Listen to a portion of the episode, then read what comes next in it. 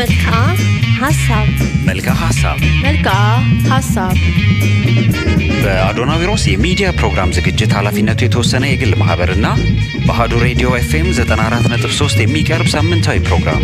ይህ ፕሮግራም አንኳር ማህበራዊ ርዕሰ ጉዳዮችን በተለያዩ የሀሳብ አቅጣጫዎች ይፈትሻል። ታላላቅ ሀሳቦች ነጥረው እንዲወጡ መድረክ በማመቻቸት በራሱ ሀሳብ ላይ የቆመ ማህበረሰብ እንዲፈጠር ያበረታታል። መልክዓ ሀሳብ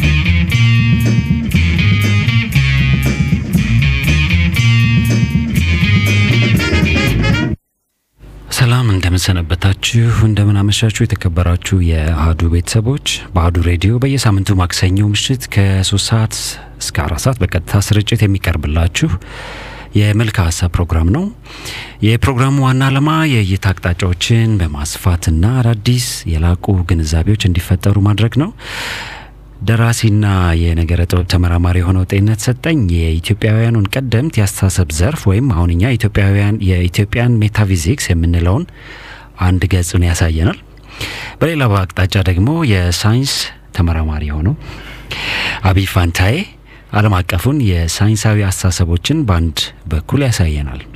እዚህ ሁለት እይታዎችን ለማሳየት እዚህ ስለተገኛችሁ ሁለታችሁንም እናመሰግናለን። በቤተሰቦች ስም እንዴት ናችሁ እናንተ? በጣም ደህና ነን፣ ሰላም ነን። ሁሉም ሰላም እግዚአብሔር ይመስገን ሰላም ነው። ጥሩ እንግዲህ በፕሮግራሙ በማስተናበር እኔም እስክንድር ክብራ ባለሁ ከቴክኒሽያኑ አብርሃም ሽፈራው ጋር መልካም ምሽት እንዲሆንላችሁ እንመኛለን በጋራ ባለፈው ሳምንት ወይም ሳምንታት በአብዛኛው ሀሳብ ላይ ያተኮረ ነበር። አሁን ደግሞ ከሀሳብ ወደ ግዑዙ ዓለም መጥተን የዛሬውን ምሽት በግዑዙ ዓለም ወይም በሳይንሱ observable universe በሚባለው ርዕሰ ጉዳይ ላይ እናወራለን። ለመሆኑ ዓለም ወይም ብዙ ጊዜ እንደውም ዓለማት ይባላል እና የብዙዎች በተለይ በሳይንሱ ዘርፍ ደግሞ የብዙ የጥናት ትኩረትም ከአንድ ዓለም ሁለት ዓለም አለ ወይ ሶስት ዓለም አለ ወይ ሌሎች ዓለማት አለ ወይ እና ቁጥሩ ራሱ ዓለምና ዓለማት መሆኑ እውን ሌሎች ዓለማት አለ ወይ ወደሚለውም ጥያቄ ያመጣናል ያንደረድረናል። እና እስኪ ዛሬ በዓለማት ጉዳይ ላይ እንነጋገር። በኢትዮጵያዊ ሜታፊዚክስ ምን ይላል? በሳይንሱስ ዓለማትን እንዴት ይገልጸዋል? ከጤንነትን ጀምር። እንግዲህ የዚህ የዓለማትን ነገር ማንሳት በመጀመሪያ ደረጃ ላይ የፍጥረታትን ነገር ማወቅ በጥቅል የፍጥረታትን ነገር በአጠቃላይ የምናውቅ ከሆነ የእኛንም ሕልውና ጨምሮ እንደዚሁም ደግሞ በፍጥረታት ላይ ሊኖረን የሚችለውንም ደግሞ መሰልጠን መሰልጠን ስንል ፍጥረታትን በከኛ ስራ አድርገን የምንፈልገውን ነገር ሁሉ ለማግኘት የሚያስችለን ነገሩ የምናገኝበት ነው። እንግዲህ አሁን ይሄ የስልጣኔ ደረጃ የምትላቸው ይሄ በአስተሳሰብም ከፍተኛ ደረጃ ላይ ስትመጣ ትልቁ መሰረታዊ ነገር ምንድን ነው? በፍጥረታት ላይ ሰልጥኖ መገኘቱ ነው ትልቁ ነገር። ወይም ደግሞ ሰልጥኖ የሚለው ቋንቋ ምን ማለት ነው? በክብር ደረጃ ማለት ነው። ለምሳሌ ሰው በተሻለ ደረጃ ላይ የክብር ደረጃ ላይ ሲምብል ስለሚገኝ ከስሩ የሚገኙቹ ሌሎ ፍጥረታት ለምሳሌ እንስሳቶቹን፣ አራዊቶቹን ይገዛል አይደል? በገዥነት ሆኖ ከበላይ ሆኖ ያኖራል። ስልክ እንደዛው በፍጥረታት ላይ በመሰልጠን ስትመጣ በሙሉ ክብር ደረጃ ላይ የገዥነት ክብር እንደማለት ነው። የዛን ያህል ከፍታ ላይ የመውጣት እድል ይኖራል። እንግዲህ በአጠቃላይ ሲታይ የፍጥረታት ነገር ደግሞ በጥቅሉ ዝም ብለን ጠቅልለን እንመልከተው ካለን ከተገዥነት ወጥቶ ገዢ ለመሆን የሚደረግ አጠቃላይ ጥረት ነው። በቃ የፍጥረታት ከጠዋት እስከ ማታ እንቅስቃሴ በአጠቃላይ ሲጠቃለል ከዚህ የተያያዘ አይደለም። ለምሳሌ አሁን ይሄ ለአህዱ ቤተሰቦችም ግር እንዳይል ሀሳቡን ማለት ነው። አንድ ሰው ተነስቶ ጠዋት ተነስቶ ስራ ይሄዳል፣ ይሰራል፣ ይወጣል፣ ይመጣል፣ ምናምን ጥረት ያደርጋል? ቤት ይሰራል፣ ይኖራል። ለምን ብለህ ብትጠይቅ ካልሰራ ነገ ሊራብ ነው። ስለዚህ ረሃብ ሊሰለጥንበት ነው ማለት ነው። ችግር ሊሰለጥንበት ነው። በሽታ ሊሰለጥንበት ነው። መኖሪያ አቶ ቤት አልባ ሊሆን ነው። ፀሐይ ሊያቃጥለው ነው። ሊሰለጥንበት ነው። ሀሩር ሊሰለጥንበት ነው። ስለዚህ እነኛ በሱ ላይ እንዳይሰለጥኑበት እና ከሱን በበታችሁ እንዳያደርጉት ማለት ረሃብ ከሰለጠነብህ በረሃብ ይገልሃል ማለት ነው። እነዛ እንዳይሰለጥኑብህ ስትል በጥረት ትኖራለህ ማለት በጥረት ውስጥ ትታገላለህ፣ ትኖራለህ። ያ ጥረት መሰረታዊ ጉዳይ ስለሆነ ማለት ነው። ስለዚህ የፍጥረታት ነገር አጠቃላይ ስትመለከተው በጥረት ውስጥ የተያያዘ ነው። ምክንያቱም ጥረት የሚያደርጉበት ነገር ምንድን ነው? ከተገዥነት ወጥተው ገዢ ለመሆን ሲባል ይሄ የስልጣን እንደማለት እኛ አሁን በሀገር በዚህ በምናስበው ገዢ ሲባል ቋንቋው ትንሽ ሊል ይችላል ማለት ይፈለግ መሰልጠን፣ በዛ ነገር ላይ ሰልጥን እንዳትንትን ማድረግ ማለት ነው። ከተጽዕኖ ስር ከተጽዕኖ ስር መውጣት ማለት ነው። ስለዚህ እንግዲህ የፍጥረታት ነገር ይሄ ከሆነ የፍጥረታትን ነገር ማወቅ ደግሞ ከየት ይጀምራል ብለህ ካመጣ ከዓለማት ይጀምራል። ዓለማት ብለን ነው የምንጀምረው ማለት ነው። ዓለማት ፍጥረታት የሚኖሩባቸው ስፍራዎች ወይም ደግሞ ስለ ፍጥረታት ነገር ስነሳ ዓለማትን ታነሳለህ። ስለዚህ አሉ ተብለው በትክክል የሚታሰቡት ዓለማት በዚህ በኢትዮጵያ ሜታፊዚክስ አሁን በምናወራው እኛ በምናወራው ሀሳቢው ዋናዎቹ ታላላቆቹ ሁለት ናቸው። ሁለት ታላላቅ ዓለማት ይመጡና በእነዚህ ሁለት ታላላቅ ዓለማት ውስጥ እንደገና ድርብ ዓለማቶች ይኖራሉ። ሁለት ይኖራሉ ማለት ነው። ስለዚህ በአንደኛው ላይ ሌላ ድርብ ዓለም አለ፣ በአንደኛው ላይ እንደገና ሌላ ድርብ አለ። ከድርቦቹ ጋር ልቁጠራቸው ካልክ በቁጥር ስንት ይሆናሉ ማለት ነው? አራት ይሆናሉ ማለት ነው። ምን ማለት ነው ይሄ ድርብ ማለት? ለምሳሌ አሁን ሁለት ሰዎችን አመጣህና አቆምክ። ከሰውየው በስተጀርባ ጥላው አለ አይደል? ሰውየው አንድ፣ ጥላው አንድ፣ ከዛ በዛኛውም ሰውዬ አንድ፣ እንደገና ጥላው አንድ። ለምሳሌ ሁለት ባልና ሚስቶች ብታመጣ ወንድና ሴት በሷ ሁለቱ አንድ ናቸው አይደል የሚባሉት? አንድ አለማ አንድ አንድ ነው የሚወሰዱት ሁለት ባልና ሚስትና በሷ ጥላ ጀርባ ያለው አንድ በሱ ጥላውን አንድ ብለብቶ እሱን እንደገና ስትወስድ እንደዚህ እንደማለት እሳቤ አራት የሚለው እሳቤ እንደዚህ አይነት እሳቤዎች ናቸው። ግን በጥቅል እንውሰዳቸው ካልክ ግን ሁለት ነው የምታመጣው ማለት ነው። እንግዲህ በዚህ ዘርፍ ላይ በዓለማት በኩል ላይ ፍጥረታት ይገኛሉ ተብሎ የሚባሉ በሶስት ዓለማት ውስጥ ነው። አንደኛው ያው የመለኮት መኖሪያ ወይም የፈጣሪ ነው ምናምን ተብሎ የሚታሰቡ እሳቤ ያለበት ነው። ግን ሶስቱ ዓለማት ላይ ግን ፍጥረታት ይኖራሉ ተብሏል። ግን አሁን አስተሳሰቡ ትንሽ ግር የሚለው ነገር ምንድን ነው? ዓለማት የሚለው እሳቤ አሁን ሳይንስ ከሚለው ይሄኛው የሚለው ይለያል። ሁለቱ ልዩነት ያመጣሉ። ልዩነቶቻቸው ምንድን ነው? አሁን ሳይንስ ዓለማት ምናልባት አብይ በኋላ ላይ ተነትነው ይችላል። ሳይንስ ዓለማት ብሎ የሚለው ያልደረስንባቸውን ለምሳሌ ቬኑስን፣ ሜርኩሪን፣ ማርስን ምናምን የመሳሰሉትን እነዚህን ዓለማት ሌሎች ዓለማት ብሎ ሊያመጣቸው ይችላል። ይሄኛው ግን እነሱን ሌሎች ዓለማት አይላቸውም። ለምሳሌ ሜርኩሪም አለች ብሎ ቢያስብም አለች ብሎ ያው የራሱ አተናተን አለው። ግን ዝም ብሎ ቢልም ሜርኩሪ ሌላ ዓለም ብሎ አይወስድም። ለምንድን ነው ሌላ ዓለም የማይላት ምክንያት በዚህ በእውኑ በእኛ በአካላችን ማለት ነው በዚህ በአካላዊ በእኛነታችን በማየት በመስማት በእነዚህ sense በምናደርገው አካላችን ልንደርስባቸው የምንችልባቸው ዓለማት ወይም ልንደርስባቸው የምንችላቸው ቦታዎች ሌላ ዓለም መባል የለባቸውም ነው የሚለው። የእኛ አለመድረስ ነው ወደ እነሱ ለምሳሌ አዲስ አበባን ብቻ የመታ ከሆነ አሜሪካንን ሌላ ዓለም ልትለው አይገባም። ስላልደረስክ ነው እንጂ ብትደርስበት ልታገኘው የምትችል እኮ ነው። ስላልሄድክ ነው እንጂ ማርስ ስለራቀችብህ ነው እንጂ ብትደርስባት ልታገኛት የምትችለው ነው። ዓለማት የሚላቸው የማንደርስባቸውን ነው። ይሄ በስውሩ ውስጥ የሚገኙትን በዚህኛው አካላዊ አንተነትም ማደርስበት በዛኛው ምክንያቱም ሰው ከሶስት ባህሪያቶች ውስጥ ስላሉት በባህሪው ዘንሰ በዛኛው ውስጥ የሚገኙ እንደማለት ነው። እነዚህን ሀሳቦች የያዘ ነው። አብይ ትንሽ የተወሰነ ነገሮች ይፈታል ይጨምርበታለሁ። እሺ አንተ ባነሳኸው ሀሳብ ውስጥ ዓለማትን አራት ክፍሎች አድርገህ ነው አድርገህ ነው የጀመርከው። በሳይንስ እይታ እንግዲህ ዓለማት ስንል ትልቁ ክፍል ብለን የምንወስደው universe የምንለው ነው። አንድ ዓለም ነው እና universe ን እንዴት አድርጎ ነው በሳይንስ ውስጥ የሚታሰበው? አንድ isolated system ወይም ራሱን የቻለ ከውጭ ከሌላ ጋር ምንም ግንኙነት የሌለው አንድ ራሱን ችሎ ያለና በራሱ ሂደት በ evolution ራሱን እየሰራ ሄደ ነው የሚል አይነት እሳቤ አለ እና ዓለም ትልቁ ፍንዳታ ከምንለው ይሄ big bang ከሚለው ጊዜ ተፈጥሮ አንድ universe ተፈጠረ። ያ በ evolution ወይም በዝግመተ ለውጥ ነገሮች በውስጡ እየተፈጠሩ ይሄዳሉ የሚል እሳቤ ይዞ ነው ዓለምን ለማጥናት የተነሳው እና አሁን ይህንን በይበልጥ የሚያጠናው የሳይንስ ክፍል cosmology የሚባለው ነው። ምንድን ነው ዓለም ተፈጥሮ እንደዚህ በዝግመተ ለውጥ ሲሄድ ነገሮችን ካልተረዳ ናቸው ያው ዝግመተ ለውጥ አለ እየተለወጠ ስለመሄድ የሚቀጥለው ጊዜ ላይ የሰው ልጅ የሚኖረው ሚና ምን እንደሆነ አጠያቂ ይሆናል። ስለዚህ አሁን ካለበት ሰው ተነስቶ ወደ ኋላ ያለውን እያወቀ ቢሄድ ወደፊት የሚመጣውን ነገር ማወቅ ያስችለዋል የሚል ነገር አለ። እና በሳይንስ መጀመሪያ እንግዲህ ቅድሚያ የሚሰጠው ይሄ ግዙፉ ዓለም ይሄ የሚታየውና ይሄ አንድ universe ነው ብያለው። ይሄ ለብቻው ያለ በዚህ አይነት እሳቤ ውስጥ ነው ዓለምን አስቀምጠው የሚያው ቅድም አሁን አንተ ስትል አንደኛው ዓለም ፈጣሪ የሚኖርበት ምን የሚል አይነት እሳቤዎች አሉ። ግን ይሄ በራሳችን የቻልን የተነጠለ system ነው ብሎ ነው የሚያስበው። ስለዚህ በዚህ እይታዎች ውስጥ መጀመሪያ ይሄ በአይናችን የምናየውን ዓለም ነው ሳይንስ ያጠና የጀመረው እና እነዛን ነገሮች በማጥናት ሂደት ውስጥ አሁን ዋናው መሰረታዊ የምንላቸው አሁን ያሉት ነገሮች የተፈጠሩበት ቁስ ምንድን ነው የሚለው አንደኛውን ነገር ማወቅ ነው። ሌላው ደግሞ አሁን የምንጠቀምባቸው የኃይል ምንጮች ይሄ energy የምንለው እና እነሱስ ምንድን ናቸው የሚለው እነዚህ ሁለቱ ናቸው በዋነኝነት የሚያተኩሩትና ቁስ የሆነውን ዓለም እ፣ የፈጠረው መሰረታዊ ትንሿ ደቂቅ የሆነችዋን አካል ወይም ይሄ particles የምንላቸውን ብናውቅ በቃ ሁሉንም ዓለም የፈጠረው ነገር ስለምናውቅ ወደፊትም የሚሆነውን ነገር ማወቅ ያስችላል የሚሉ ጥናቶች ውስጥ ነው ዓለም የገባውና ያንን በማጥናት ሂደት ግን ቁሳዊ የሆነውን ነገር ሳይንስ ባየበት ጊዜ በቁሳዊ በሆነው ነገር የማይገለጹ አይነት ሂደቶች ደግሞ እየተፈጠሩ መጡ።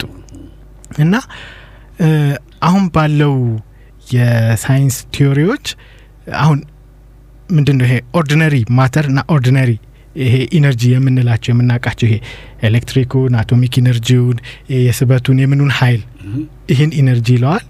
matter ደግሞ ቁስ አካላት የተፈጠሩበት የአተምና ከዛ በታች የተፈጠሩበት ነገር ነው። እነዚህ ናቸው መሰረታዊ ብሎ ዓለምን ሲያጠናው አንድ ቁስ አካል የሚያሳየውን ባህሪ ሲታይ የቁስ አካል አይነት ባህሪ ያለው ግን የማይታይ ነገር ደግሞ universe ውስጥ እንዳለ ሳይንስ ማግኘት ቻለ።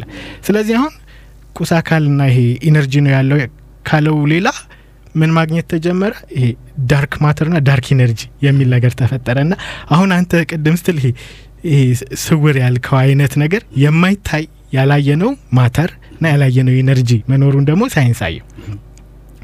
ከዛ በኋላ እንደውም እንደዚህ ከሆነ ይህ ነገር ምን ያህል ነው እስቲ ይህን ያህል ምን ያህል ነው እንደሚሆን በ universe ውስጥ ያለውን እናጥናው ተብሎ ሲጠና እንደውም የሚታየው ከጠቅላላ universe አምስት percent ኡ ብቻ ነው።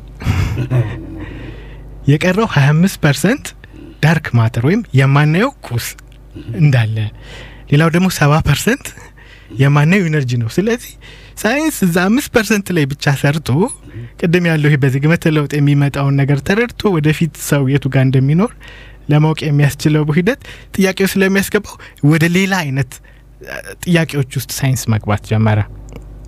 በዚህ ሂደት ውስጥ ደግሞ ምን ተገኘ? ይሄ particles የምንላቸውን በሰው እያጠና እያጠኑ ሲሄዱ ይሄ fundamental particles ያልናቸው ራሱ አስራ ሁለት አይነት particle ኦች ተገኙ። እነሱን ራሳቸው ደግሞ ከእነሱም በታች አለ የሚሉ ደግሞ ሌሎች የሳይንስ group ኦች መጡ።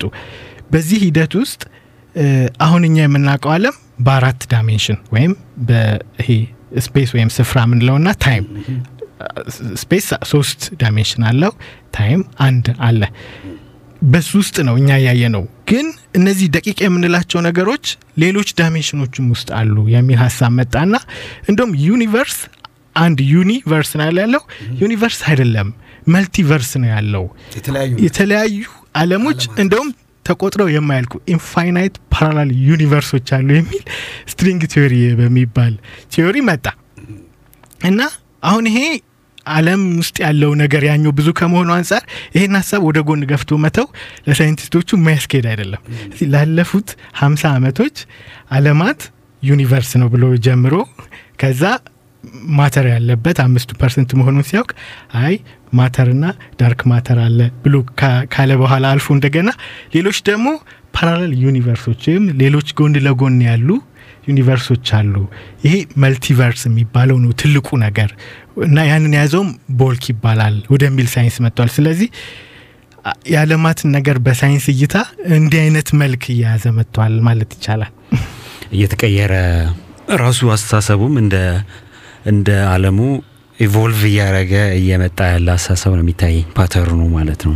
ጥሩ አሁን ከዚሁ ከትይዩ አለማት ጋር በተገናኘ ነው አሁንም የሚቀጥለው ርዕሳችን እንዲሆን የምፈልገውና እ፣ ይሄኛው አለም የምናየው በጠቅላላ ወጤነት ባልከው እቺ የእኛን አለም ብቻ ሳይሆን በጠቅላላ የሚታየውን ግን ያልደረስንበት ቁስ አካላዊው አለም በሙሉ ወይም በዚህ በአካላዊ የስሜት ህዋሳቶቻችን የምንደርስበት በሙሉ እንደ አንድ አለም እንደ አንድ ዓለም ነው ወስደ ነው ይህ አለም እ፣ አሁን የትይዩ አለማትን ጽንሰ ሀሳብ እናምጣ ካልን ይህ አለም ሌላ አለም አለው ተመሳሳይ ያለው ወይንስ የቅድም ከጥላ ጋር ባነሳኸው የሰውና የጥላን ምሳሌ ሰጥተሃል።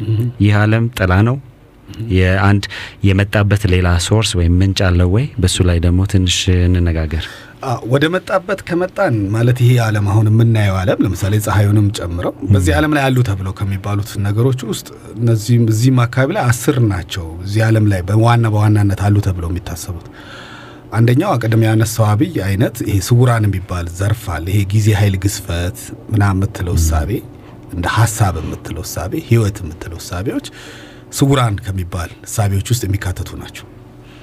ከዛ በዘለለ ፀሐዩን፣ ጨረቃን እና ከዋክብትን ትቆጥራለን። የፀሐይ አንድ ፀሐይ አራት- ጨረቃ እንደገና ደግሞ የማይቆጠሩ ከዋክብት ማለት በጣም እጅግ ብዙ የሆኑ ልትቆጥራቸው ማትችል ከዋክብት እና አስራ ሁለት ይሄ ለፍጥረታት ማለት ይሄ ስጋዊ ደማዊ የሆኑ ፍጥረታት የሚኖሩባቸው አስራ ሁለት በአራት ምድቦች ውስጥ ምናምን አድርገ በዛ ላይ ደግሞ አራት አይነት ፍጥረታት ማለት እንስሳት፣ አራዊት፣ አዋፍትና ሰው ልጅ ይኖርበታል ማለት ነው። እነዚህን ዝም ብለህ ብትደምራቸው አስር ይሆናል። የመጀመሪያውን የሚነሳው እሳቤ ምንድን ነው? እነዚህ ፍጥረታት ምንጫቸው ከየት ነው የመጣው መጨረሻቸውስ ምንድን ነው የሚሆነው የሚል መሰረታዊ ነገር ይነሳል። ግዴታ አስፈላጊ ስለሆነ በዚህ መነሻና መድረሻ መነሻና መድረሻቸው መጀመሪያም የት ነበሩ፣ ከዛስ ወዴት ነው የሚመጡት? ሲጀመር ከየት መጡ ተብለ ስትል የዚህ በምድራዊ ሰማያት ነው የሚባለው። አሁን እኛ በዚህ በአካላዊ እንትናችን የምናገኛቸው ዓለማት ምድራዊ ሰማያት ነው። በዚህ በኢትዮጵያዊ እሳቤ ነው ትርጉሙንም በዛውን እያወራው ምክንያቱም ቃላቱም የራሱ ስለሆነ በራሱ ቃላት ነው እየፈታ የሚመጣው ከሌላ ቦታ ስላልተዋሰው ማለት ነው ሀሳቡን። ስለዚህ ምድራዊ ሰማያት ነው የሚባሉት። ይሄ አሁን እኛ በምድር የምናየው ማለት ነው የምናስተውለው የምንመለከተው ዓለማት ምድራዊ ሰማያት ተብለው ነው የሚባሉት። እና በዚህ በምድራዊ ሰማያት ላይ የሚገኙት እነዚህ አስሩ ዋና ዋና ያልኩ ፍጥረታት የመጡት ሰማያ ሰማያት ከሚባለው ፍጥረታት ነው ይላል። በእነዚህ በሰማያት ሰማያት ደግሞ ሁለት ዓለማት ትልልቆቹ ያልኩ እሱ ነው። እንግዲህ አየህ አሁን አንዱ ሰማያት ሰማያት ምድራዊ ሰማያት። ከዛ ጥላው ነው ጀርባ ጀርባ ላይ ያረኩት አይደል? የመጀመሪያው ግን የሰማያት ሰማያት የሚባለው ቦታ ላይ አስር ፍጥረታት አሉ። አሁንም ተመሳሳይ ሁኔታ ዝም ብለን በክፍል በክፍል እንወሳዳቸው ካል ስውራን ሔዋንና ጉዛን ተብለው ነው የሚካተቱት እና ከነዛ ነው ይሄ የምናየው አስሩ ምድራዊ ሰማያት ላይ የምናገኛቸው ማንኛውም ፍጥረት የመጣው ነው እሳቤ ያለው። ስለዚህ ይሄ ሰማያት ሰማያት የምንለው ጊዜ ደግሞ በጊዜያት ልኬቱ ሲመጣ ጊዜም እዛ ውስጥ ስላለ የጊዜ ልኬቱ ከአንድ ቀን ጀምሮ እዛው መቼም የሚያበቃ ጊዜ አይደለም ያለው፣ ትልቅ ጊዜ ነው ያለው፣ ቋሚ ጊዜ አለው። እዚህ የምድራዊ ሰማያት ጊዜያት ግን ስንል ተለዋዋጮች ናቸው። ስለዚህ ፀሐይ ትጠፋለች፣ ምድር ይጠፋል፣ ከዋክብት ይረግፋሉ ምናምን። ምክንያቱም ያላቸው የጊዜ ልኬት አነስተኛ ውስን ነው ውስን ነው። በተወሰነ ጊዜ በኋላ ይጠፋል። ተመልሶ ከአንድ ቀን ጀምሮ መልሶ ወደ አንድ ቀን ይታጠፋል። ስለዚህ የዚህ ምድራዊ ሰማያት ላይ የምናያቸው አመጣጣቸው ከዛ ነው ማለት ነው። ይሄኛው ሀሳብ ከገባን፣ ሁለተኛው የሚመጣው እዚሁ ምድራዊ ሰማያት የምንለው ላይ አሁን ቅድም ያለው የጥላ ያልኩት አለ። አሁን የመጡበትን ነው ሰማያ ሰማያትን ያመጣው። እዚሁ ደግሞ አሁን በምንኖርበት አሁን እኛ በምንኖርበት ዓለም ላይ ለምሳሌ ይሄ ስቱዲዮ አለ አይደለ? በዚህ ስቱዲዮ ውስጥ እኔ ያለው አንተ አለ ምናምን፣ እዚሁ ቦታ ላይ ሌላ ስውር ዓለም አለ። አሁን እሱን ነው አሁን የፈለግኩት። አየህ፣ ሁለተኛው ዓለም የሚባለው እሱ ነው። ስውር ዓለም ይባላል። ድርብ ነው ይሄ ዓለም ልክ ድርብ ዓለም ሆኖ ግን እኛ እማናቀው ይመስለናል። ግን በዚህ በስጋዊ ባህሪያችን ሳይሆን በዚህ በነፍስ ባህሪያችን የምንረዳው ዓለም ማለት ነው። በስጋ ባህሪ አታየውም፣ በአይንህ አታየውም፣ በሰውነት አትዳስሰውም ምናምን አታረግ ግን በነፍስ ባህሪ ታየዋለህ። ለምን ለምሳሌ ይሄ ፍቅር የምትለው ውበት የምትለው ይሄ ደስታ የምትለው ምናምን እዛ ስውሩ ዓለም ውስጥ የሚገኝ የነፍስ ባህሪያት ነው። እንግዲህ የነፍስ ሀገሯ ነው ማለት ነው ይሄ ስውሩ የምንለው። ምክንያቱም አሁን ዝም ብለህ አንድን ሰው ብጠይቀው አንድ ሰው ስጋ ነፍስ አለው ብለህ ትላለህ አይደለ? እና ስጋውን ልታየው ትችላለህ፣ ነፍሱን ግን አታየውም። እንኳን የሰውን ቀርቶ የራስንም አታይም አይደል? ስለዚህ ያንን ግን ያንን የእሷ የምትገኝበት ሀገሯ እዚሁ ድርብ ስለሆነች አብርሃ ስላለች እዚሁ ድርቡ ዓለም ላይ ስለምትገኝ በተመሳሳይ ሁኔታ በዛ በኩል የሚገኘው ክፍል ነው እንግዲህ ስውሩ ዓለም ተብሎ የሚባለው። በእርግጥ ይህ ስውሩ ዓለም እንዲቀላል አይደለም እንደው ለሀሳቡን ለማስቀመጥ ያህል ተጠቀምንበት እንጂ በጣም ትልልቅ ጥበቦች፣ የትልልቅ እውቀቶች፣ የትልልቅ አስተሳሰቦች ምንጭም ነው። ምክንያቱም አምሳልነቱ ወይ ደግሞ ምልክቱ የዚህ በሰማያት ሰማያት ላሉ ፍጥረታት እነዚህ በሰማያት ሰማያት ያሉ ፍጥረታት መመላለሻ ነው። ነፍስ አሁን የሰማያት ሰማያት ነች፣ ስጋ የምድራዊ ነው አይደል? ስጋ እዚሁ የሚቀረውም ለዛ ነው። ነፍስ የሰማያት ነች። ስለዚህ የእሷ መመላለሻ ነው። አሁን መላእክት ብትል መላእክት የሰማያ ሰማያት ናቸው። ስለዚህ የእነሱ መመላለሻ ስውር ውስጥ ነው። ስለዚህ መላእክት ሰው አያይም። እሱ በሆነ በሆነ ነገር ተገልጾ ካልታየ በስተቀር በሆነ ነገር ላይ ተገልጾ ራሱን ካለ ልክ ነፍስ በስጋ ላይ ተገልጻ እንደምትታይ እሱም በሆነ ጉዝ በሚታይ ጉዝ በሆነ ፍጥረት ላይ ተገልጾ ህይወትን ወስዶ በዛ ላይ ተገልጾ ካልታየ በስተቀር አታየው። ስለዚህ ልክ እንደነዚህ አይነት እነዛ የሚመላለሱበት ዓለም ነው ይሄ ስውሩ ዓለም ተብሎ የሚባለው። ሌላው ይሄ ጊዜም ብንለው የጊዜም ኮን- ጊዜንም ለመቆጣጠር ሌሎችንም በኋላ ወደፊት የምናነሳው ሀሳብ ይሆናል። እነዚህ እነዚህ ሁሉ እዛ ውስጥ ነው የሚገኙት። ግን አሁን እነዚህ ፍቅር፣ ውበት ምናምን የምትላቸው መገኛዎቻቸው እዛ አካባቢ ነው። ስለዚህ አሁን ለምሳሌ ፍቅር የነፍስ ነው አይደል? ፍቅር የስጋ አይደለም። ፍቅር የነፍስ ነው። ስለዚህ ፍቅር የነፍስ ስለሆነ የነፍስ ነፍስ መረዳት የስጋ ባህሪዋን ከሆነ ፍቅርን አታውቅም። ዝም ብለህ ስለነገርካት ስለ ፍቅር ስጋ ፍቅር ታውቃለች ማለት አይደለም። ፍቅርን የሚያውቀው ነፍስ ነው። ለዚህ ነው የመሻገር አቅሙ ስጋ የሆነ ነገር ካረክላት የሆነ ነገር ታረግልሃለች፣ የሆነ ነገር ካላርክ አታረግልህ ይችላለች። ግን ነፍስ ግን ያንን አታይም፣ ትሻገራለች አይደል? የሆነ በተደረገልህ ባልተደረገልህ ነገሮች ውስጥ አይደለም፣ ድንበር ታልፋለች። አካባቢን ታልፋለች። በቃ ታልፋለች። ብዙ ነገር ፍቅር- አይደለችም። የተወሰነም አይደለም። እንደገና ውበት የምትለውም ክፍል ተመሳሳይ ሁኔታ እንደዚሁ የነፍስ ባህሪያቶች ውስጥ የሚታይበት። ለዚህም ነው ውበት ጉዳይ ላይ ስትመጣ በእርግጥ በኋላም ወይ ልናነሳው እንችላለን። ይሄ በተመሳሳይ ስፍራ የተለያዩ ዓለማት የሚባል እሳቤ አለ። በዛ ውስጥም ስትመጣ ውበት ለምሳሌ ለአንዱ ውበት የሆነ ነገር ለሌላው ውበት ላይሆን ይችላል።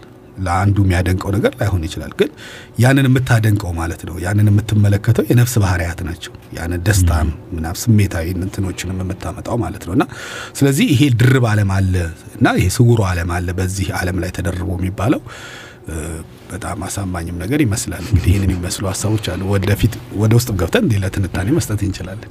በሳይንሱ ይሄ ድርብ ዓለም ድርብን በሳይንስ parallel universe እንለዋለን ወይስ እንዴት ነው አብይ የምታየው? እንግዲህ ሁለቱን ጎን ለጎን ከዚህ በፊት አይተናቸው ስለማናቅ እንትን ማድረግ ጠረጴዛ ላይ እናገናኛቸው። ነገር ግን አሁን እሱ ያን ሲናገር በነበረው ጊዜ ከየትኛው ጋር የእሱ equivalent ወይም ተመጣጣኝ ይሆናል የሚለውን አይነት ነገር ለማሰብ እየሞከርኩ ነበር። ቅድም ያወራሁላችሁ ይሄ universe አንድ ነው የሚለው ሳይንስ በሙሉ የተስማማበት ጉዳይ ነው። ነገር ግን ይሄ parallel universe አለ ምናምን የሚለው ገና ይሄ mainstream science አልሆነም። ገና theoretical physics ላይ ገና ዓለም እየሰራበት ያለ ገና መኖሩን ትገምቶታል ማለት ነው። ምክንያቱም አምስት percent ብቻ ይዞ ኪሳራ መግባት አይፈልግም። ስለዚህ ይሄ dark matter dark energy የምንለውን ነገሮች ለማየት ደግሞ ሲሞክር ሌላ በር ተከፈተ። ምክንያቱም ይሄ አንድ universe ብቻ ሳይሆን ሌላ አለ ብሎ ደግሞ ጭራሽ ስራውን አከበደው እና string theory ይባላል። ይሄ string theory አሁን በቃ በዓለም ትልቁ የፊዚክስ ጠረጴዛ ላይ ሁሉም ሰው የሚረባረብበት ጉዳይ ነው እና እነ ስቲፈን ሃውኪንግ እነ ምናምን እነዚህ እነዚህ ነገሮች ሁሉ ለመስራት የሚሞክሩባቸው የነበሩት issue ዎች ናቸው እና still አሁን string theory theory ሆኖ ተቀምጧል። ምንድን ነው theory በሁለት ክፍል አለው። አንድ ተፈጥሮን የሚተነትንበት ሞዴል በቀላሉ የሚገልጽ መኖር አለበት። ሁለት ነገር ሲያሟላ ነው ሙሉ theory ሆኖ የሚቀበለው። ከዛ ይሄ theory እሱን theory ውን ይዞ ደግሞ prediction ይሰራል ወይም ግምት ያቀርባል። ያ ግምቱ በ experiment በሙከራ ወይም በ observation ለምሳሌ አሁን ይሄ በትልቁ በ universe ላይ ያለውን ከሆነ አንሰራውም፣ ግን observe ስናደርግ ለምሳሌ ፀሐይ እንዲህ ትሽከረከራለች ካልን በሳተላይት ስትሽከረከር ካየናት ያ ሀሳብ ትክክል ነው ተብሎ ይወሰዳል። ግን ይሄኛውን የማይታየው ጋር ስንመጣ prediction ም ለመስጠት ከባድ ነው፣ እንደገና ሄዶም ለማየት ከባድ ነው። ይህን ያደረገው ምንድን ነው? string theory አስራ አንድ dimension ኦች አሉት ባሉት ዓለም በአስራ አንድ መዋቅር ነው የተዋቀረው ነው የሚለው። ልክ እኛ ጊዜ አንድ dimension ነው፣ space ወደ ላይ ወደ ታች ወደ ጎን ሶስት dimension አለው። ከዚህ በኋላ ከዚህ ውጭ ሌላ ሰባት አሉ ማለት ነው አስራ አንድ ከሆኑ እንደዛ ብሎ ያን ሁሉ equation mathematically ገብቶ ሲሰራ የእያንዳንዳቸው ትንንሽ የሰው error ኦች ስለሚገቡ predict የሚያደርገው ነገር error ኡ ይበልጣል። ስለዚህ በትክክል predict ማድረግም አልተቻለም። error እያመጣ ሄዷል። ስለዚህ አሁን ምንድን ነው ሌላ እንትን ያለው ይሄን ይሄ ከሆነ በሌላ በኩል ግን ይሄን ማየት እንችላለን የሚሉ ፍንጭ ሊሰጡን የሚችሉ ነገሮችን ሁለት ነገሮችን ካወቅን ይሄ ነገር እውነት ነው ብለን እንቀበለው ወደሚል ስምምነት መጡ። አንደኛው ምንድን ነው በዚህ በአራት ዳይሜንሽን ባለው በምናውቀው ዓለም ውስጥ የብርሃን ፍጥነት የፍጥነቶች የመጨረሻው ነው። ከዛ በላይ ፍጥነት የለም ይባላል እና ያ ያ ነው እንግዲህ ዓለምን ብዙን ነገር ይዞ የሚሄደው እና ከብርሃን ፍጥነት በላይ የሚሄድ ነገር በዚህ ዓለም ውስጥ ካገኘን ያ ማለት ከዚህኛው ዓለም በዛኛው ዓለም ገብቶ ተመልሶ በዚህኛው ዓለም መጥቷል ማለት ነው። ስለዚህ ይህን የሚያሳየን ነገር ካገኘን ሌላኛው ዓለም አለ ሾልኮ በሌላ በኩል ዞረው መጣ ይሄ የሚል አይነት እሳቤ መጣ። ሁለተኛ ደግሞ ከዚህ ጋር ተያይዞ የመሬት ስበት የመሬት ስበት አሁን አራት force የምንላቸው basic የሆኑት አራት ናቸው። electromagnetism የምንለው ከዛ ደግሞ ኒውክሊየር ውስጥ strong force weak force የሚባሉ አራተኛው gravity ነው። እነዚህ ከዓለም ከ big bang ከትልቅ ፍንዳታ ነው የጀመረችው የሚባለው እነዚህ አንድ ላይ ነበሩ ያኔ ከዛ ነው የወጡት አሁን እዚህ ላይ ያሉት ተብሎ ይታሰባል። ስለዚህ እንደዛ ከሆኑ እነዚህ አራቱም ሶስቱ እኩል ሲሆኑ gravity በጣም weak ነው ወይም እንደነዛ ጠንካራ አይደለም፣ ደካማ ነው ይህን ምን አደረገው ብለው ሲያጠኑ በኋላ የመጣው እሳቤ ምንድን ነው? gravity በዚህኛው ዓለም ሳይሆን በሌላ ዓለም ነው የሚኖረው የሚገኘው ዋናው። እንደውም ቅሪቱን ነው እዚህ የምናየው የሚል ሀሳብ መጣ። ስለዚህ gravity ን የሚይዘው particle graviton ይባላል። እና ያ አንድ የሚታወቁ particle ኦችን nuclear reactor ውስጥ ስናጋጫቸው የሚመጡት particle ኦች ከተጋጨው ጋር ሲደመሩ እኩል መምጣት አለባቸው። ነገር ግን ይሄ gravity በሌላ dimension የሚኖር ከሆነ የሆነ የሚጎል ኃይል ይገኛል። እሱን ከማግኘት ከቻልን ሌላ parallel የሆነ ወይም ሌላ universe ወይም ሌላ ዓለም አለ የሚለውን ያሳየናል የሚሉ እሳቤዎች አሉ። ስለዚህ ይሄ በእርግጥ በሳይንስ ውስጥ የታወቃለም ገና theoretical የሆነ ነገር ነው። እና አሁን አንተ ቅድም ያልከው ለምሳሌ እዚህ ስቱዲዮ ውስጥ ሌላ እዚህ ስቱዲዮ ላይ ሌላ ዓለም አለ የምትለውንም በ string theory ልክ እንደዛ ነው የሚለው በርቀት አይደለም የሚለያዩት እዛው ላይ በ dimension ነው የሚለያዩት ነው የሚለው። ስለዚህ ሊኖር ይችላል። እንደውም ምንድነው በይሄ quantum physics ላይ አንድ particle infinite ቦታ ይገኛል ይላልና በተለያዩ universe ኦች ማለት ነው እና ያንን የሚመለከት ወይም observe የሚያደርገው conscious እንትን ሲኖር አንዱ ዓለም ላይ እናየዋለን እንጂ ያ particle ማ ሁሉም ቦታ ይገኛል ይላል። ይህ እንግዲህ የ quantum physics ጽንሰ ሀሳቦች ናቸው እና በዛ ባሉት እንትኖች ውስጥ ብቅ እያሉ ገና እየተፈተሹ ነው ያሉት። ምናልባት እንግዲህ theoretical ለሆኑት እንትኖች መነሻ የሚሆን ሀሳብ ደግሞ ከእንደዚህ አይነት ሀሳብ ሊገኝ ይችላል ማለት ነው። እኛ ከወደ ተጨባጭ ስለዚህ እኔም እንግዲህ በዚህኛው ዓለምም በሚቀጥሉ ዓለም የምታዳምጡን አድማጮቻችን ማለት አለብኝ እንዲህ ባለብዙ universe ላይ የምታዳምጡ አድማጮች፣ ለማንኛውም በዚህኛው በዚህኛው ዓለም ላይ እየተከታተላችሁን ላላችሁ የአህዱ ቤተሰቦች ያለነው በመልካም ሀሳብ ፕሮግራም ላይ ነው። አጭር የሙዚቃ እረፍት ደግሞ እናድርግ። ከባባድ ርዕሶች እያነሳን ስለሆነ ትንሽ እስኪ ለቤተሰቦቻችንም ዘና የሚሉበት አጭር ጊዜ እንስጣቸው። ለዛሬው ምሽት የመረጥነው ሙዚቃ የማህሙድን ነው። እሱን ተገባብዘን እንመለሳለን።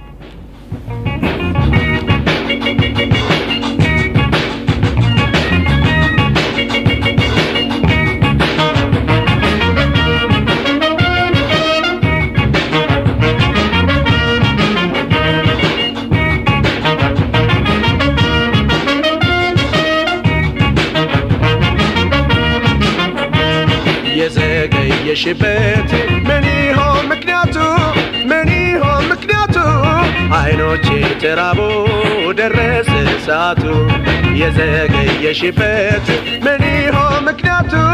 ምን ይሆን ምክንያቱ? አይኖቼ ተራቦ ደረሰ ሰዓቱ።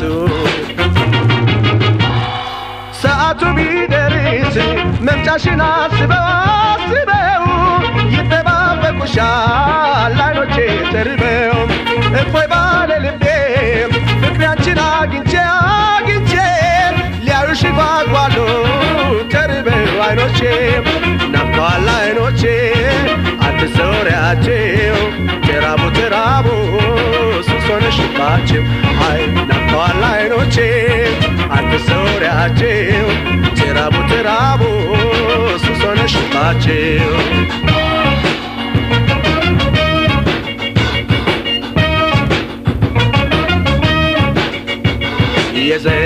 የዘገየሽበት ምን ይሆን ምክንያቱ? ምን ይሆን ምክንያቱ? አይኖቼ ተራቦ ደረሰ ሰዓቱ። የዘገየሽበት ምንድነው ምክንያቱ? ምን ይሆን ምክንያቱ?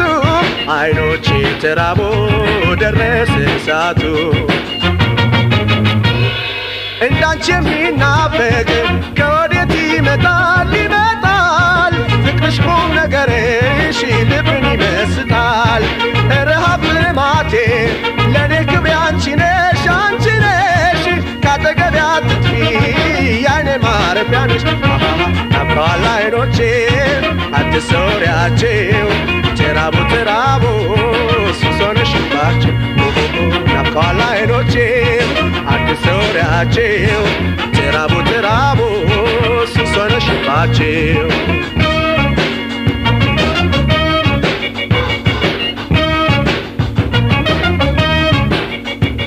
የዘገየሽበት ምን ይሆን ምክንያቱ? ምን ይሆን ምክንያቱ? አይኖቼ ተራቦ ደረሰ ሰዓቱ። የዘገየሽበት ምን ይሆን ምክንያቱ? ምን ይሆን ምክንያቱ? አይኖቼ ተራቦ ደረሰ ሰዓቱ።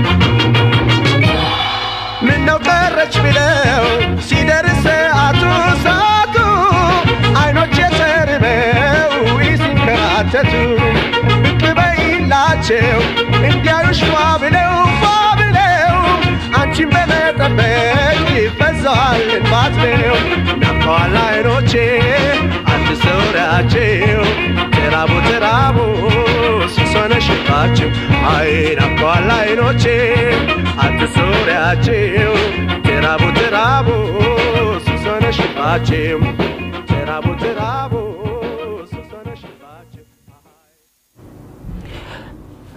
የተከበራችሁ የአዱ ቤተሰቦች ተመልሰን ተገናኝተናል። የምንገኘው በሳምንታዊው የመልካ ሀሳብ ፕሮግራማችን ላይ ነው። ዛሬ ስለ አለማት እየተነጋገርን ያለ ነው። ከሙዚቃው እረፍት በፊት በተመሳሳይ ስፍራ ተመሳሳይ ጊዜ በተለያዩ ቦታዎች ላይ ስለመገኘት ወይም ስለ ትይዩ አለማት ጉዳይ እያወራን ነበር። እሱን እያጠቃለል ነው እንሂድ እና እስኪ መጀመሪያ እሱን ማጠቃለያ ያነስተው ጤነት አዎ ልናወራው እንችላለን። ግን ከዛ በፊት ግን አንድ ምንድነው ለአዱ ቤተሰቦችም እንዲሁም ለእኛ ጋር ያለውን ነገር ለማንሳት የምንሞክረው አሁን እዚህ ጋር የምናነሳቸው ጉዳዮች በአብዛኛው ሙሉውን ሀሳብ እየተነተን ነው አይደለም። እንዴት ነው እኛ ጋር አሉ የሚባሉትን ሀሳቦች ፍንጭ ፍንጮቹን እየሰጠን ነው። ይበልጥ ወደ ጥልቅ እየገባን ስንመጣ በጣም ሰፋፊ ነገሮችን ማንሳት የሚቻልበት ነገር ይኖራል። ግን አንዱ ትልቁ ነገርና መሰረታዊ ነገር ወይም የአዱ ቤተሰቦች እንዲረዱ የሚያስፈልገው እኛ ኢትዮጵያውያኖች ታላላቅ ሀሳብ ባለቤቶች ነን ስንል እነዚህ ትልልቅ ነገሮችን ማንሳትና ማውራት ምክንያቱም ይሄ ራሱን የቻለ ነው። ምክንያቱም አብይ በሳይንሱ በኩል ምን እንደሚል እየተናገረ ነው። እኛ ደግሞ በራሳችን ምን እንደምንል እየተናገር ነው። ከዛ ተውሰ ነው ወይም እነሱን አንብበናቸው አይደለም ያሉ ናቸው። እይቶቻችንም ይለያያል፣ የራሱ ይኖራል። በጥቅል ሀሳብ ውስጥ አንድ አይነት ሊሆን ይችላል። ግን ይሄ ነገር የሚያመላክተው ምንድን ነው ምንድን ነው አንተ አሁን ዝም ብለህ አሁን እኛ የምንጫወተውን ጨዋታ አንድ ህፃን ልጅ መጥቶ መካከላችን ቢያወራ ሁላችንም እንደነግጣለን። የምንደነግጠው ለምንድን ነው ብለህ ብትጠይቅ ስለተናገረው ጉዳይ አይደለም። አይደለም። ጉዳይ ማ እኛም እያወራ ነው ነው እሱ እንዴት በዛ እድሜው ይህንን ጉዳይ አሰበው ነው አይደል? ሳቢው የሚታይበት እና ልክ በተመሳሳይ ሁኔታ እንደ አፍሪካን ሀገር ውስጥ የሚገኙ እንደዚህ በብዙ ችግሮች ውስጥ ያሉ ህዝቦች ውስጥ እንደነዚህ ሀሳቦች እንዴት አሰቧቸው የሚለው ነው አንዱ ትልቁ አስደንጋጭ የሚሆነው። አልፈህም ስትሄድ ከዚህም አልፈን ከሄድንም በጣም መሬት የመያዝ አቅማቸው ደግሞ ጠንካሮች ናቸው። እኛ ጋር ያሉት ምንድነው በተፈጥሯዊ ሂደት ውስጥ የተገኙ ናቸው። ሳይንሳዊ ክፍል የቤተ ሙከራና artificial በሆነው መንገዶች የሚሄድበት ነው። በራሱ መንገድ ነው የሚሄደው። ይሄኛው ግን እኛ ጋር ያለው ግን ተፈጥሯዊ ሂደት የፈጠረው ነው። ስለዚህ በተፈጥሮ ውስጥ የምታገኛቸው እውቀቶች በተፈጥሮ ውስጥ የሚገኙ ጥበቦች ደግሞ ትልቅ ጥበቦች ናቸው። መሰረታቸውም ትልቅ ነው። እነዛ በሳይንሳዊ ነው። ቴክኖሎጂውም በተሟላበት ሂደት ነው። ያው ፍተሻው የሚካሄደው በዛው በተሰራውት ማቴሪያሎች ማሽኖቹ በምኖቹ ውስጥ ነው። ይሄኛው ግን ተፈጥሯዊ በሆነው መንገድ ላይ ነው የምትሄደው እና ይሄን የሚያመላክት ነገር እንዳለን መጀመሪያ እሷን ማሳሰብ ፈልጌ ነው። ሁለተኛ ግን ማንሳት የፈለግኩበት ጉዳይ አሁን የጠየቀኝ ጥያቄ ይሄ በተመሳሳይ ስፍራ የተለያዩ ዓለማት የሚል እሳቤ አለ። ይህ እሳቤ ምን ማለት መሰለ? በተመሳሳይ ስፍራ ማለት አሁን እኔ አንተ እዚያ በዙሪያችን የሚኖር ሰው በአብዛኛው በተመሳሳይ ስፍራ ነን ያለ ነው። ለምሳሌ ኢትዮጵያ ውስጥ ነን ያለ ወይም አዲስ አበባ ውስጥ ነን ያለ ነው። ስለዚህ በተመሳሳይ ስፍራ ነን ማለት ነው ያለ ነው። በተለያዩ ዓለማት ማለት ግን የኔ ነፍስ የትኛው ዓለም ላይ ነው ያለችው ነው ጥያቄው። አሁን በዚህ በእንትኑ ላይ ድርቡ ስውሩ የምንለው የዚሁ ዓለም ላይ የተደረባለ ብለን የለ። ስለዚህ በዚሁ ዓለም ላይ ሲደረብ ደግሞ እዚህ መሬት ላይ ካለው ነው ወይንስ ከዚህ መሬት ውጭ ካሉት ከበዚህ መሬት ምክንያቱም ይህንን አሁን በምድራዊ ሰማያት የምንለው ቦታ አራት ቦታ ደ ፀሐይ መካከል ላይ ያደረግና አራት አቅጣጫ የተቀመጡ ቦታዎች አሉ። በራሱ በከዋክብት በከዋክብት የተዘዋዘሩ በአራቱ አራት አቅጣጫዎች ከዛ ነው የመጡት ምስራቅ፣ ምዕራብ ምናምን የምትላቸው ማለት ነው። ስለዚህ እነዚህ አራት አቅጣጫዎች ላይ ስለሚገኙ በእነዚህ በአራት አቅጣጫዎች ላይ ደግሞ የሚገኘው የጊዜ ልኬት አንድ አይነት አይደለም፣ ይለያያል። ጊዜ እንኳን በዚህ በዩኒቨርሱ ላይ በትልቁ ዩኒቨርስ ላይ በምድራዊ ሰማያት በትልቁ ላይ ቀርቶ በሆነ ቦታ ላይም ልዩነት ያመጣል። የጊዜ ልዩነት አለ እና ስለዚህ ጊዜ ልዩነት ያመጣል። በዛ በጊዜ ልዩነት ውስጥ ደግሞ የሚፈጠሩት እዛ አካባቢ ያሉ ነገሮችንም የሚያመላክት ነገር አለ። ስለዚህ የኔ ነፍስ በየትኛው ዓለም ላይ ነው ደስታዋን ተድላዋን የምታከናውነው ነው በየትኛው የጊዜ ልኬት ውስጥ ማለት ነው ከአራቱ ማለታችን ነው። ከአራቱ ውስጥ ማለት ነው። ስለዚህ አሁን አየህ የምንኖረው በዚህ በተመሳሳይ ዓለም ላይ ሆነን ደስታን የምናጣጥምበት እኔና አንተ ግን እንለያይ እንችላለን። ውበትን እኔና አንተ የምናጣጥመት መንገድ ይለያያል። ምክንያቱም እኔ ውበትን የማየው በሌላኛው ዓለም ውስጥ ውበት የነፍስ ነዋ፣ ደስታ የነፍስ ነዋ፣ ፍቅር የነፍስ ነዋ።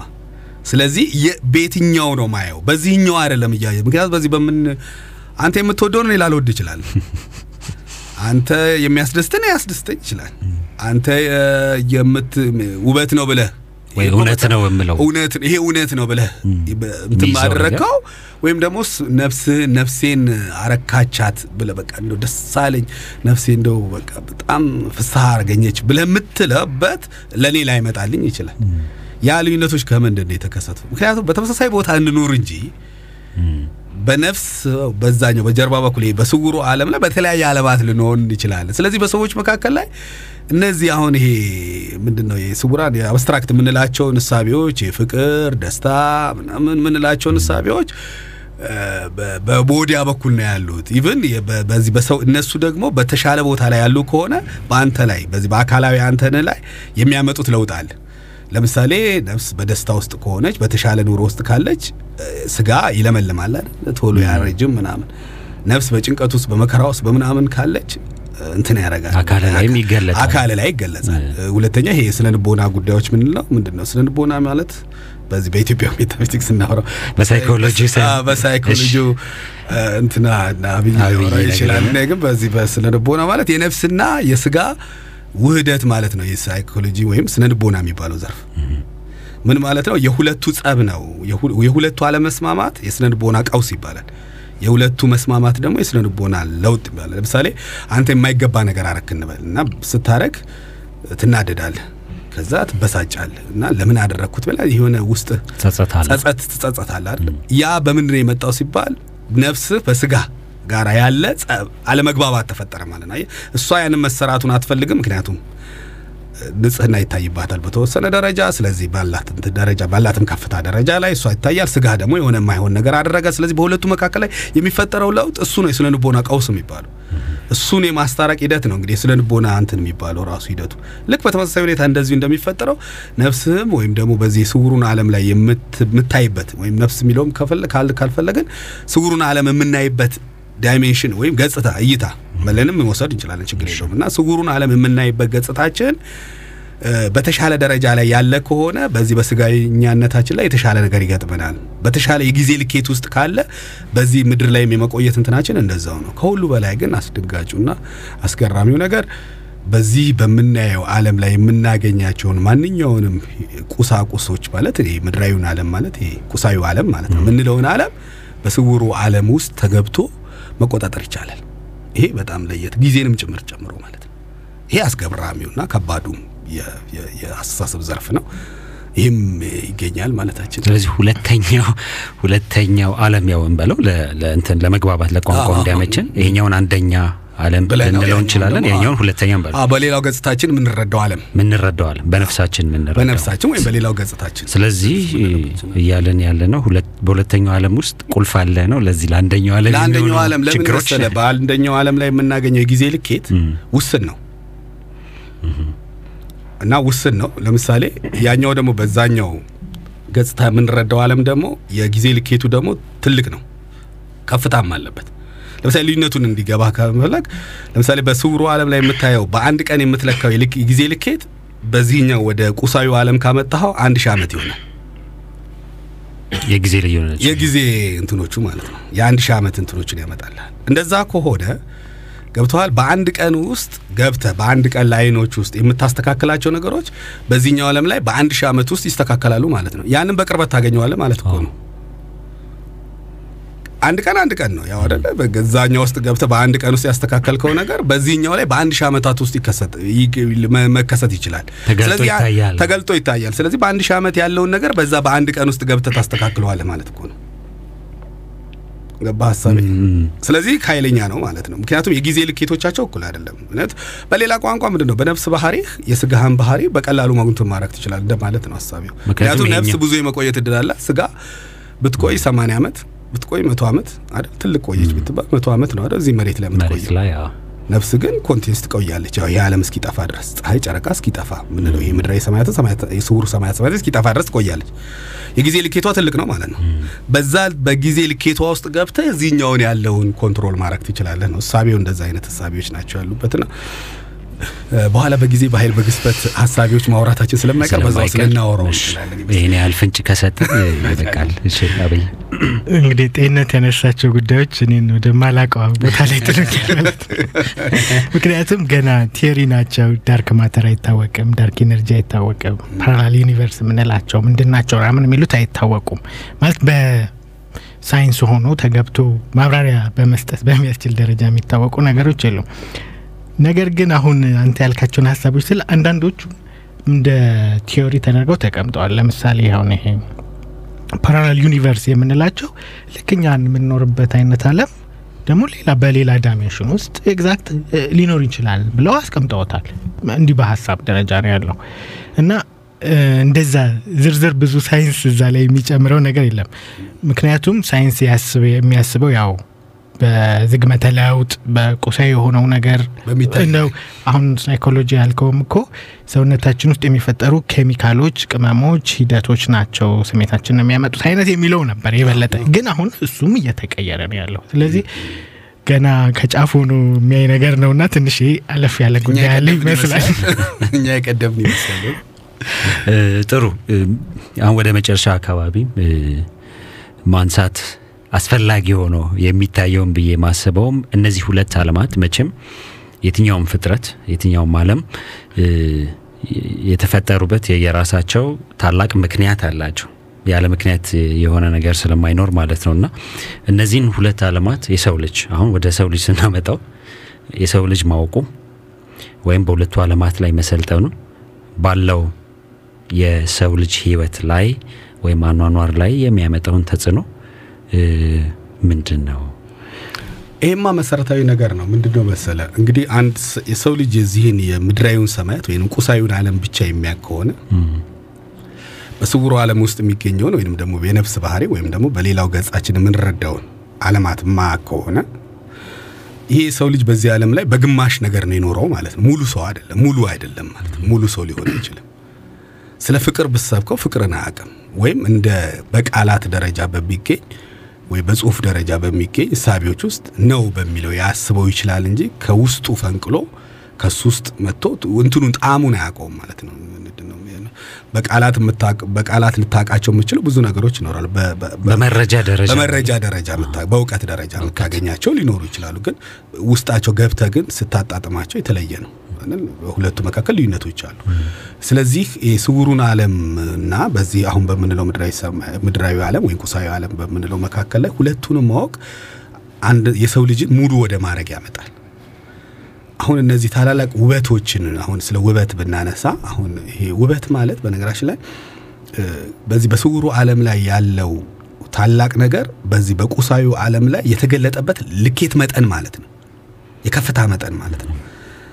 ይሄ perfection ኡ ማለት ነው። ምን ያህል ያ በዛ ላይ መጥቶ የተገለጠበት እይታ ማለት ያ የማይታየው የማይዳሰሰው የማይጨበጠው ታላቁ ነገር በዛ ሰው ላይ መጥቶ ያረፈበት ለምሳሌ ፍቅር መጥቶ በአንድ ሰው ላይ ቢያርፍ የዛ ሰው ላይ ያረፈበት ሰው ፍቅሩ ውበት ሆኖ ይታይሃል አንተ ለምሳሌ አንድ በጣም የወድ ሰው ቢኖር አንተ ያ የሚወድ ሰው በሱ ላይ ተገልጾ ውበቱ ይታያል። ውበቱ ይታያል።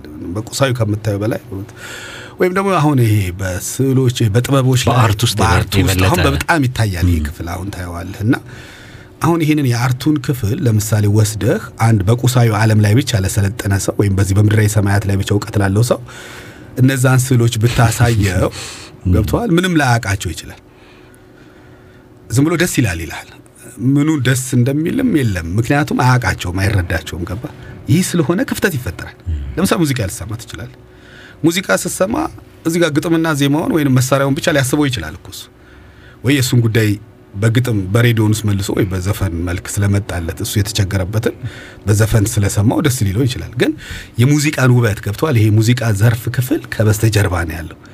ይህ በስውሩ ዓለም ውስጥ ያለ ነው ማጣጣም የምትችለው ለዛም ስለው ይመስላል እና ቋንቋቸውን የማታውቃቸው ሙዚቃዎችን ትወዳለህ? ስትሰማ በጣም ደስ ሊል ይችላል። እነኛም በምን የትኛው ዳይሜንሽን አይተህ? በምን ተረዳኋቸው? በምን ተረዳሃቸው ሲባል በዚህ በቁሳዊው አይደለም። አየህ በዚህ በጆሮ በሰማኸው እ፣ መሳሪያው በምናምን በግጥሙ በምናምን አይደለም። ግጥሙን ላታውቀው ትችላለህ፣ ግን ሙዚቃው በጣም መስቶን በአኑ አውጥተህ ልታለቅስ ትችላለህ። ምንድን ነው ያገኘህ ሲባል አየህ በዛኛው ዳይሜንሽን ያለውን ነገር አይተዋ- አይተዋሃል ማለት ነው። በዛኛው ገጽታ ያን ክፍል አይተሃል ስለዚህ ሙሉ መሆንን የሚያክል ምንም ትልቅ ነገር የለም። ካለበለዛ ይሄ እንግዲህ ለአንድ ሰው ነው የወሰድነው አይደል? ለሀገርም ስንወስደው እንደዛ ነው። ለዓለምም ስንወስደው እንደዛ ነው። አየህ ምክንያቱም ያንን ካላየ አንድ ትውልድ ያንን ማየት የማይችል ትውልድ ከተፈጠረ ቁሳዊ የሆነ ትውልድ ብቻ ይመጣል ማለት ነው። ያ ከሆነ ፊት ለፊቱ ያለውን ብቻ ነው የሚያውቀው። በስጋ የሚረዳውን የሚመለከተውን ነው የሚበላውን የሚጠጣውን ሰዓቱ በቃ ስሜታዊ ነው የሚሆነው። ዝም ብሎ ያው እንትን ይሆናል እና ያ ደግሞ በተወሰነ ደረጃ ይሄ ፍቅር ብትሰብከው ምን ብትሰብከው ላይሰማህ ይችላል፣ ትንሽ ሊያስቸግር ይችላል። እና ግድ ነው እንደነዚህ አይነት ነገሮች ላይ መስራት ያስፈላል። ሙሉ ለማድረግ አንድ ሰው ሙሉ ነው የሚባለው በሁለቱም ገጽታ ሲያይ ነው። በዚህ በአካላዊ እሱነቱና በሁለተኛው ስውሩን ዓለም ማየት የሚችል ገጽታ ሲኖረው ነው እና ነፍሴን በገነት አንሸራሸርሻት ይላል በአንድ ቦታ እንዲህ ሲገልጸው ነፍሴን በገነት አንሸራሸርሻት ሲል እዛ ያለ ደስታ እዛ ያለ ነገር እንጂ በአካል ወስዶ እዛ ያሳየ አይደለም። እና ነፍሴን በገነት የጥበባዊ ቋንቋዎች አይነት አሉበት እንደዚህ አይነት የሚሉ ሀሳቦች እና የኔ ይመስል ነገር እስኪ ወደ ማጠቃለያው ይሄድን ስለሆነ አዎ፣ ጤንነት እንግዲህ ሰዋዊ በሆነው ተፈጥሯዊ በሆነው መንገድ ገልጾታል። ያው ግን በሳይንሱ ደግሞ ስናይ ሳይንስ ምንድን ነው እውቀትን መፍጠር ከዛ ያንን ወደ ቴክኖሎጂ የመቀየር አይነት ነገር ነው ብዙ አሁን ባለው እንትን ያለው። ነገር ግን አሁን የአካባቢ ተጽዕኖ የሚባሉ ነገሮች እየበዙ ሲሄዱ ይሄ ሰዋዊ የሆነውንም ሌላ ተፈጥሮ የሆኑትም ነገሮች ወደ ራሱ አስገብቶ መስራት ይፈልጋልና ከሚታየው ነገር አልፎ ማየቱ ማለት አምስት percent ይዞ ዓለም ላይ ያለውን ነገር በሙሉ ማወቅ አይቻልም። ምክንያቱም አምስት percent ኡ ነው ይሄ ordinary matter የምንለው ወይም ይሄ የምናየው ዓለም ሊገልጸው የሚችለው። ስለዚህ በዛ የተነሳ እነዚህን በመስራት በዓለም ላይም የምናያቸው ብዙ አዳዲስ ቴክኖሎጂዎች እንዲመጡ አድርጓል። እንደውም አንድ እንትን ኢንተርኔት ራሱ የተፈጠረው የሚሉት እነዚህ አይነቶችን research ለመስራት ኔትወርክ ለመስራት ባደረጉት ጥረት ነው የሚለው እና ምንድነው አንድ ትልቅ ኒውክሌር እንትን station አለ አውሮፓ ውስጥ ያለ Large Hadron Collider ይባላል። እና እዛ ውስጥ ያለውን data እንዲህ አይነት ሙከራ ሲሰራ ምንድን ነው የሚሉት? አንድ particle ሲጋጭ ወደ 600 ሚሊዮን image ነው በአንዴ መውሰድ ያለብህ። ያንን analyze ለማድረግ እና ይህንን data analyze የማድረግ አቅም መፍጠር አለብህ። ስለዚህ ለዚህ ሲሰራ ይህንን data አንድ ሰው ቁጭ ብሎ ስለማይሰራው የተለያየ ቦታ ያሉ ሰዎች share ስለሚያደርጉት ትልቅ ኔትወርክ ተሰራ። ያ ኢንተርኔት ሆኖ ያው ዓለም የሚጠቀመው ነገር መጣ። ስለዚህ ራሱ ያንን በማወቅ ሳይሆን ለማወቅ በምናደርገው ሂደት የምናውቀው ነገር እኮ የተሳሳተም ሊሆን ይችላል። መጨረሻ ላይ እኮ እነሱ አሁን ይሄ ጥናት ሲደረግ መጨረሻ ላይ ያሰብነውም ልክ አይደለም ብለን ልንመለስ እንችላለን። ግን የምንሄድበት ሂደት የሚሰጠን ነገር በተወሰነ ርቀት እንድንሄድ ያደርገናል የሚል አይነት አሳቢዎች አሉ። ሌላ የሆነ CT scan የምንለው የ particle physics ውጤት ነው። ምንድን ነው ይሄ particle physics ላይ standard particle ኦችን ካወቁ በኋላ ነው ያንን መስራት የቻሉ። በዛ ሰው ጭንቅላቱ ውስጥ ያለ ችግርን ቁጭ ብሎ አይቶ መስራት አስቻለው እና እንዲህ አይነት ነገሮችን ማወቅ የቴክኖሎጂ መሻሻልን እያመጣም ሰውን በተሻለ ዓለም ላይ ያለን ነገር እንዲረዳም ማድረግ ያስችለዋል። ግን ይህንን እንደ ግብ ሳይሆን መጨረሻ ላይ ደግሞ ያኛውን ደግሞ ማወቁ የበለጠ ያኛውን በትክክል ማወቅ ቢቻል ደግሞ ሰው ዓለም ላይ ብዙ በመሳሪያ ላይ ከመመርኮዝ ተፈጥሮ እንዴት አድርጋ ራሱን ልጠቅመው እንደምትችል በቀላሉ አ- ተፈጥሮን ሳይጎዳ ከተፈጥሮ ጋር ሳይጋጭ መኖር የሚያስችለውን ነገር ለመፍጠር ይረዳል የሚል ነው። መልካም ወደ መጨረሻው ርዕስ ልሂድና ወደሚቀጥለውም ፕሮግራም ማሻገሪያ ወደሚቀጥለው ሳምንት ማሻገሪያም እንዲሆንን ስለ ተፈጥሮ ወይም ስለ አለማትም ይሁን ስለሚታየውም ስለማይታየውም ስናወራ ከውስጥ ያለ አንድ ትልቅ ኃይል ጊዜ ነው። ሁሉንም የሚቆጣጠረው ጊዜ ነው እና ጊዜን ለመቆጣጠር ደግሞ የሰው ልጅ ያው ደፋ ቀና እያለ ነው። በፐርሰናል ደረጃ ስታመጣው ራሱ ከእርጅና ጋር በየቀኑ ግብ ግብ አለ። ተፈጥሮንም ለመቆጣጠር ጊዜን መቆጣጠር ይቻላል የሚል አሳሰብም በተለያየ አቅጣጫ አለና ከትንሿ ጥያቄ እንጀምርና ለመሆኑ ጊዜን እንዴት ነው ምን ተረጉመው? ምንድን ነው ጊዜ? አሁን እንግዲህ ያለን ጊዜ አነስተኛ ነው። ጊዜው ራሱ የስቱዲዮ ሰዓት ጊዜ ማለት ያው የተሰጠ ሂደት ማለት ነው። ያው ሂደት አለ። በዛ ሂደት ውስጥ ነው ግዝፈት የምንለው ኃይል የምንለው ይወጣል። በነገራችን ላይ ጊዜ ብቻውን አይታይም። በግዝፈትና በኃይል ስር ነው የሚታየው እና ሶስት dimension ይላል ጊዜ ግዝፈትና ኃይል three dimensional ናቸው ይላል። ሀሳብ አራት four dimension ነው፣ አራት dimension ነው። ህይወት አንድ dimension ነው። እነኚህን ማወቅ ጊዜ ሶስት ጊዜ ሶስት dimension ኦች ጊዜ ግዝፈትና ኃይል አለበት። ሁለት ሶስቱ አይነጣጠሉም። በምንም መመዘኛ የፈለግከውን ብታመጣ ሶስቱ አብረው ነው የሚሄዱብህ። አንደኛውን አንደኛውን በአንደኛው ነው የምትገልጸው፣ አንደኛውን በአንደኛው ነው የምታስረዳበት። ምክንያቱም ተመሳሳይ ስለሆኑ ማለት ነው። ተመሳሳይ እይታ ገጽታም ስለሆኑ ማለት ነው። አንድን ፎቅ በአንደኛው side ያለውን በአንደኛው side ባለው እንደያሳየ ሙሉ ለማሳየት እንደምትሞክረው ማለት ነው። እና ስለዚህ ይህንን የሚያመላክት ነገር አለው። ሳምንት ብትመጣበት አይሻልም? ጥሩ። ስለዚህ ጊዜን በኢትዮጵያውያኑ ሜታፊዚክስ እና በሳይንሱ እንዴት ይታያል የሚለውን ለቤተሰቦቻችን በሚቀጥለው ሳምንት ዋናው ርዕሰ ጉዳያችን የሚሆነው ነው። እስካሁን ለነበረን ቆይታ እጅግ በጣም እናመሰግናለን። አብረናችሁ የነበርነው ጤንነት ሰጠኝ አቤ ፋንታይና እስክንድር ክብራብ ከቴክኒሽያን አብርሃም ሽፈራው ጋር ነበርን። ሳምንት እስክንገናኝ ድረስ መልካም ሳምንት። እግዚአብሔር ይስጥልን። መልክዓ ሀሳብ መልካም ሀሳብ መልክዓ ሀሳብ በአዶናዊሮስ የሚዲያ ፕሮግራም ዝግጅት ኃላፊነቱ የተወሰነ የግል ማህበርና በአሀዱ ሬዲዮ ኤፍኤም 94.3 የሚቀርብ ሳምንታዊ ፕሮግራም ይህ ፕሮግራም አንኳር ማህበራዊ ርዕሰ ጉዳዮችን በተለያዩ የሀሳብ አቅጣጫዎች ይፈትሻል። ታላላቅ ሀሳቦች ነጥረው እንዲወጡ መድረክ በማመቻቸት በራሱ ሀሳብ ላይ የቆመ ማህበረሰብ እንዲፈጠር ያበረታታል። መልካም ሀሳብ